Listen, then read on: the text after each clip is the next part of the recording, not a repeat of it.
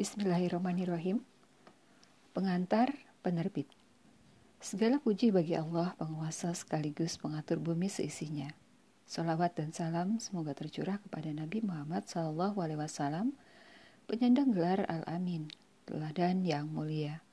Kita berharap semoga kita termasuk orang yang kelak mendapatkan syafaat beliau ketika tidak ada seorang pun yang mampu menolong, bahkan menolong dirinya sendiri.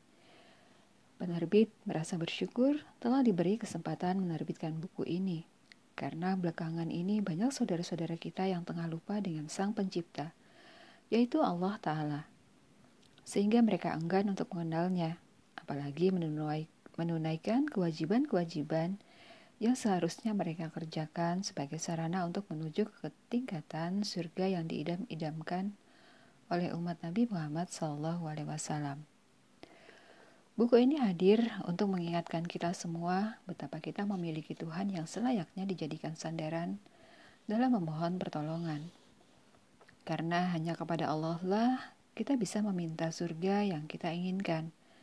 Akan tetapi, untuk menuju surga yang kita inginkan itu, kita harus selalu menjalankan kewajiban-kewajibannya dan menjauhi segala larangannya.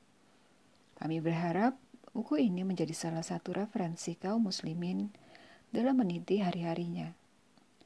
Di dalamnya dipaparkan tentang kewajiban dan keutamaan mempelajari ilmu agama, tauhid yang harus kita pelajari untuk meraih kebahagiaan dunia akhirat, dan agar kita selalu terhindar dari bahaya syirik. Kami mengucapkan terima kasih kepada semua pihak yang telah membantu terlaksananya penerbitan buku ini. Semoga amal kebaikan mereka mendapat balasan yang setimpal di sisi Allah. Akhirnya, kami berdoa kepada Allah semoga penerbitan buku ini menjadi bagian dari amal kebaikan kami dan diterima oleh Allah sebagai amal yang mendapat balasan pahala dari sisinya. Kami juga mendoakan semoga pembaca bisa mengambil pelajaran dan kebaikan darinya. Amin. Muharram 1431 Hijriah, Januari 2010 Masehi, penerbit. Bismillahirrahmanirrahim. Kata pengantar Ustadz Abu Sa'ad M. Nurhuda LCMA. Sesungguhnya tauhid yang murni adalah intisari ajaran dari semua risalah Rabbani yang diturunkan Allah Ta'ala kepada Rasulnya. Tauhid juga merupakan tiang penopang yang menegakkan bangunan Islam. Tauhid adalah syiar Islam yang paling besar, yang tidak mungkin Islam terpisahkan darinya. Ini merupakan wasiat utama Allah Ta'ala kepada Rasulnya yang diutus kepada manusia. Sebagaimana firman-Nya dalam Al-Quran, dan sungguh kami telah mengutus Rasul pada tiap-tiap umat untuk menyerukan, sembahlah Allah saja dan jauhilah Taugut itu. Surat An-Nahl ayat 36 Inilah misi utama para Rasul yaitu menegakkan penyembahan dan penghambaan hanya kepada Allah Ta'ala, serta menafikan segala bentuk penyembahan kepada selain Allah Ta'ala. Dan juga tauhid adalah pegangan pokok yang sangat menentukan bagi kehidupan manusia, karena tauhid menjadi landasan bagi setiap amal perbuatan mereka. Menurut tuntunan Islam, tauhidlah yang akan menjadi ke, menjamin kehidupan dan kebahagiaan manusia yang hakiki di dunia dan akhirat. Karena amal yang tidak dilandasi dengan tauhid akan menjadi sia-sia, tidak diterima oleh Allah Ta'ala. Di sisi lain, amal yang dilandasi oleh kesyirikan akan menyengsarakan pelakunya, menjadikan dia termasuk orang-orang yang merugi di dunia dan di akhirat. Allah Ta'ala berfirman, Dan sesungguhnya telah diwahyukan kepadamu dan kepada nabi-nabi yang sebelummu, jika kamu mempersekutukan Tuhan, niscaya akan hapuslah amalmu dan tentulah kamu termasuk orang-orang yang merugi. Karena itu, maka hendaklah Allah saja yang kamu sembah dan hendaklah kamu termasuk orang-orang yang bersyukur. Quran Surat Az-Zumar ayat 65 dan 66. Oleh karena itu, Tauhid memberikan pengaruh sangat besar bagi kehidupan sebagaimana yang disampaikan oleh Syekhul Islam Ibnu Taimiyah rahimahullah. Dan barang siapa yang merenungkan keadaan alam semesta, maka dia akan mendapatkan kesimpulan Segala kebaikan di muka bumi ini sebabnya adalah dengan mentauhidkan Allah, beribadah kepadanya, dan taat kepada Rasulnya. Demikian juga segala keburukan, fitnah, dan cobaan, juga kemarau berkepanjangan, penguasaan musuh, dan yang selain itu, sebabnya adalah menyelisihi Rasul dan menyembah kepada selain Allah. Dan barang siapa merenungkan hal ini dengan sebenar-benarnya, dia akan mendapatkan hal itu terjadi pada dirinya secara individu dan juga pada yang lain secara individu maupun secara keseluruhan.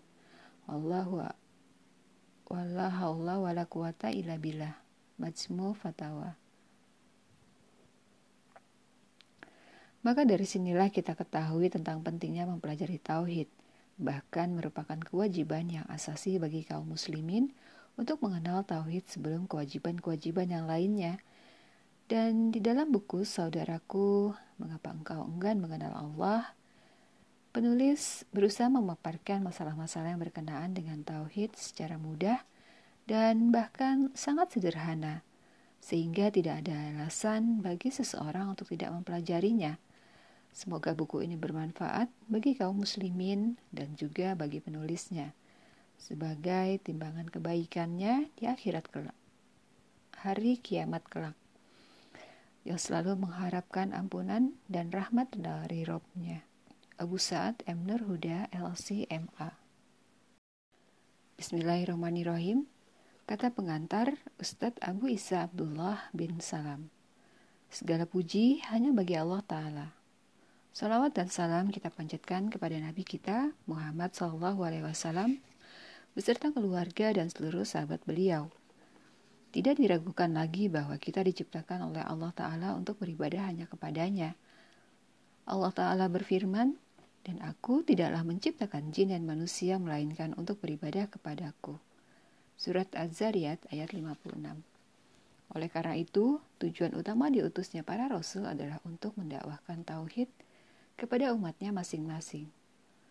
Allah Ta'ala berfirman, dan sungguh kami telah mengutus seorang rasul kepada tiap-tiap umat untuk menyerukan. Sembahlah Allah saja dan jauhilah Togut. Surat An-Nahl ayat 36.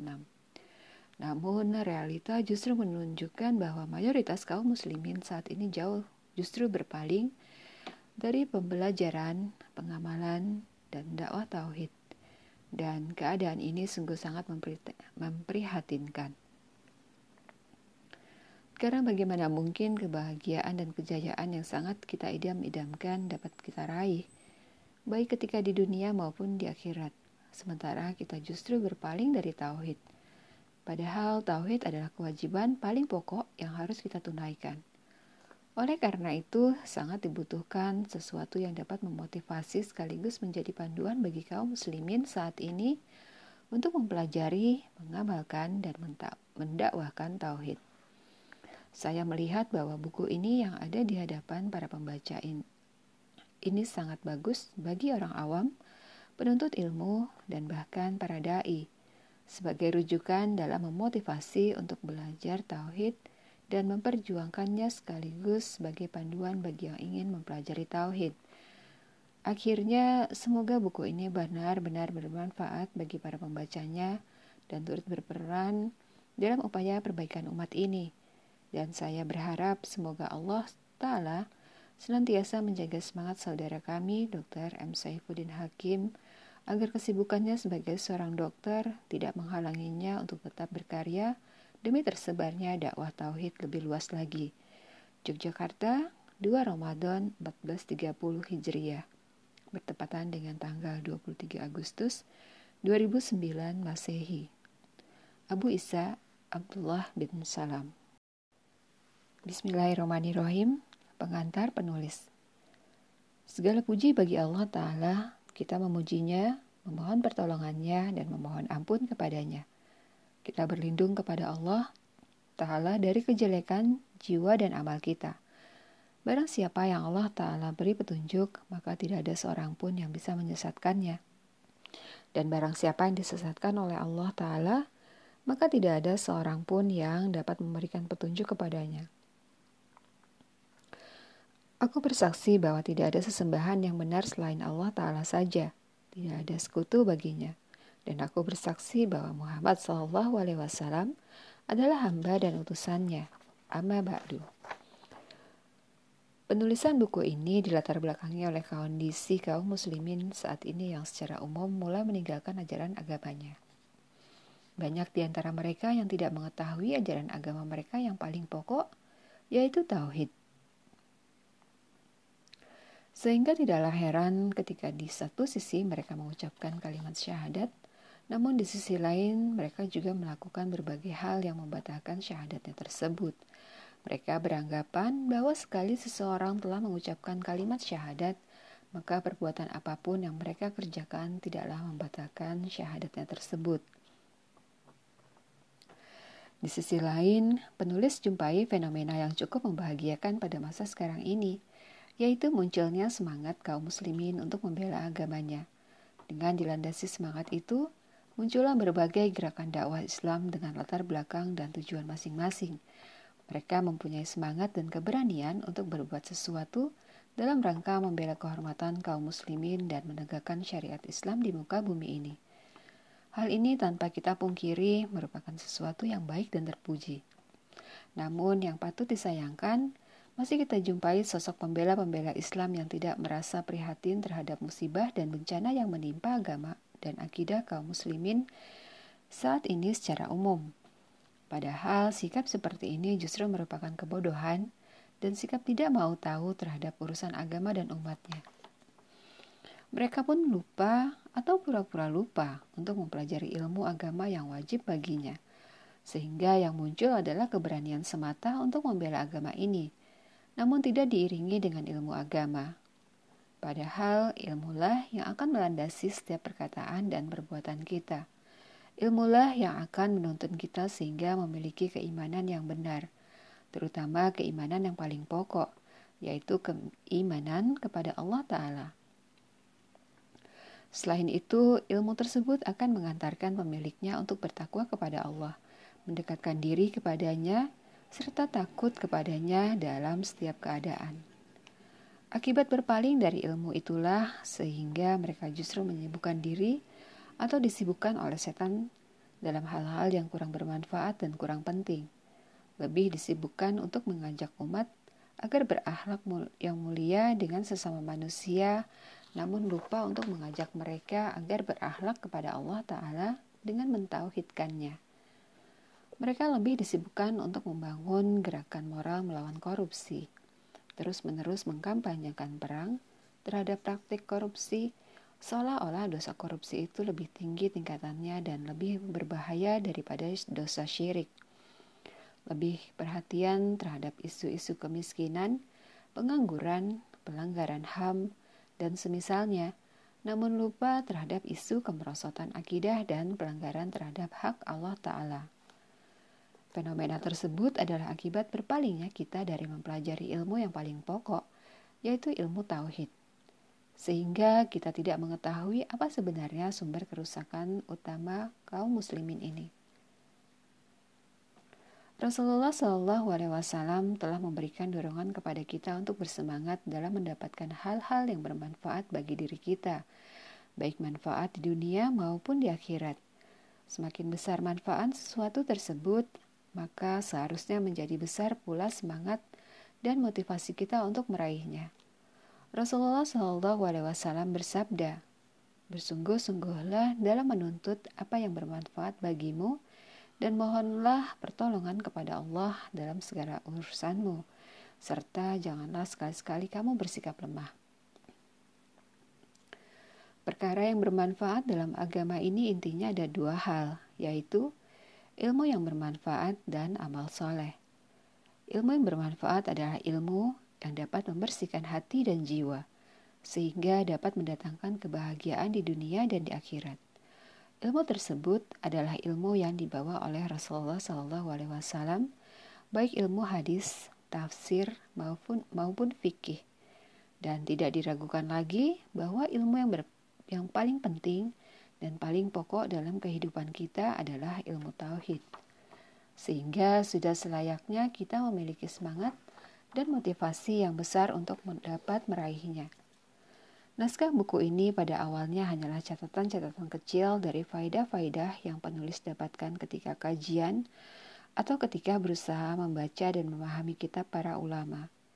Selain itu, juga berasal dari tulisan-tulisan penulis yang selama ini dimuat dalam buletin mingguan atau hit dan ditempatkan di tempat-tempat lainnya. Karena latar belakang yang telah penulis sebutkan di atas, penulis pun akhirnya berusaha merangkai dan menyusun faidah-faidah dan tulisan tersebut secara sistematis sehingga menjadi buku ini. Selain itu, penulis juga secara khusus menambahkan materi-materi yang penulis rasa penting dan perlu disampaikan. Buku ini sama sekali tidak bermaksud untuk menjelaskan permasalahan tauhid atau syirik secara terperinci. Akan tetapi, buku ini hanya bertujuan untuk memberikan dorongan dan motivasi bagi kita untuk belajar tauhid. Adapun pembahasan tentang tauhid secara mendalam dapat dipelajari lebih lanjut pada buku-buku yang telah ditulis oleh para ulama rahimahullah yang membahas tentang tauhid atau akidah secara umum. Buku yang sangat sederhana ini terdiri dari beberapa bagian.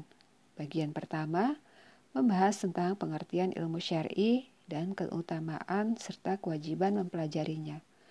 Bagian kedua dan ketiga membahas tentang faktor-faktor apa saja yang dapat menumbuhkan semangat dan motivasi kita untuk mempelajari tauhid uluhiyah dan tauhid asma wa sifat. Pada bagian ini akan penulis paparkan tentang urgensi memahami kedua tauhid tersebut dengan pemahaman yang benar. Penulis juga akan memaparkan realita-realita yang kita jumpai baik dalam diri kita maupun kaum muslimin secara umum yang seharusnya dapat semakin mendorong kita untuk mempelajari tauhid. Setelah muncul motivasi untuk mempelajari tauhid, maka mungkin timbul pertanyaan berikutnya, yaitu bagaimana kita dapat mempelajari tauhid? Oleh karena itu, penulis selanjutnya akan menjelaskan tentang bagaimana metode dan tahapan dalam mempelajari tauhid pada bagian keempat.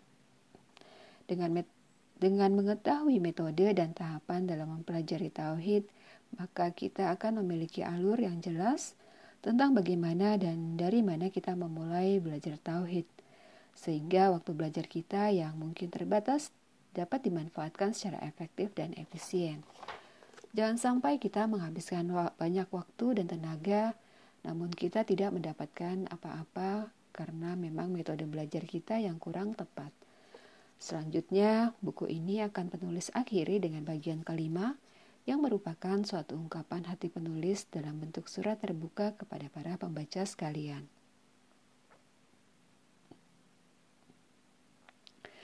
Karena ilmu dan pengalaman penulis yang masih sangat terbatas, maka penulis berusaha agar tulisan ini dikoreksi dan diteliti ulang, diteliti ulang terlebih dahulu oleh para ustadz. Dan alhamdulillah, Salah seorang guru penulis, yaitu Ustadz Aris Munandar, bersedia meluangkan waktunya untuk mengoreksi tulisan ini secara keseluruhan. Beliau banyak memberikan masukan dan koreksi atas beberapa kesalahan, terutama kesalahan terjemahan dan menyempurnakan kekurangan-kekurangan yang ada di dalamnya. Selain beliau, Ustadz Abu Sa'ad M. Nur Huda LC, MA, dan Ustadz Abu Isa Abdullah bin Salam juga bersedia membaca naskah buku ini, memberikan masukan dan koreksi, serta memberikan kata pengantar terhadap buku ini.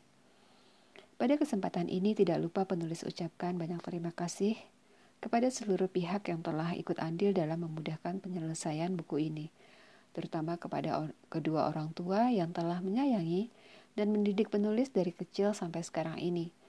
Melalui perantaraan beliau berdua, maka penulis dapat mengenal agama Islam ini mengenal tata cara sholat, dan dapat membaca Al-Quran.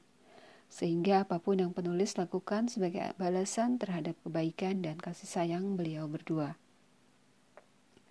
Tentu tidak akan ada apa-apanya dan tidak akan pernah mampu menyamai jerih payah beliau berdua selama ini.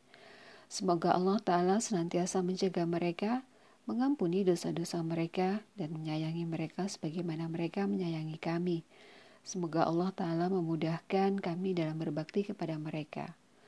Penulis juga menyampaikan terima kasih kepada para guru dan ustadz yang telah mengajarkan berbagai ilmu yang bermanfaat dalam kehidupan penulis di dunia, terlebih lagi di akhirat, terutama kepada Ustadz M. Nur Huda LCMA, Ustadz Abu Isa Abdullah bin Salam, Ustadz Aris Menandar Sarjana SS, dan para ustadz lainnya hafizahumullah yang tidak dapat penulis sebutkan satu persatu yang telah memberikan berbagai faidah ilmu agama dalam setiap majelis yang penulis hadiri. Semoga Allah senantiasa menjaga mereka, memberikan ilmu yang bermanfaat, dan memberkahi umur mereka. Juga penulis ucapkan terima kasih kepada istri dan putri kami tercinta, yang telah banyak berkorban serta menunjukkan sikap pengertian dan dukungannya selama penyusunan buku ini. Semoga Allah Ta'ala membalas mereka dengan pahala terbaik di sisinya. Selain itu, penulis juga mengucapkan jazakumullah kepada teman-teman yang telah membantu penyelesaian buku ini, terutama yang telah ikut membaca, mengoreksi, dan memberikan komentar terhadap naskah buku ini. Terakhir, penulis ucapkan terima kasih kepada saudaraku, Aki Ari Wahyudi dan Aki Abduh Tuasikal Hafizahumallah yang telah memberikan banyak teladan dan inspirasi bagi penulis untuk terus menulis dan konsisten dalam menuntut ilmu syar'i. Semoga Allah membalas kebaikannya, baik di dunia dan akhirat. Akhirnya, penulis menyadari bahwa buku ini sangat jauh dari kesempurnaan dan sangat mungkin terdapat banyak kesalahan di sana-sini. Meskipun penulis sudah berusaha memeriksa ulang tulisan ini berkali-kali. Oleh karena itu, saran, kritik, dan koreksi dari para pembaca sangatlah penulis harapkan demi perbaikan buku ini di masa mendatang. Semoga buku ini dapat menjadi nasihat yang baik, terutama bagi diri penulis sendiri dan bagi siapa pun yang membaca tulisan ini. Semoga Allah Ta'ala meneguhkan hati kita dan tetap konsisten di jalan ilmu dan amal soleh.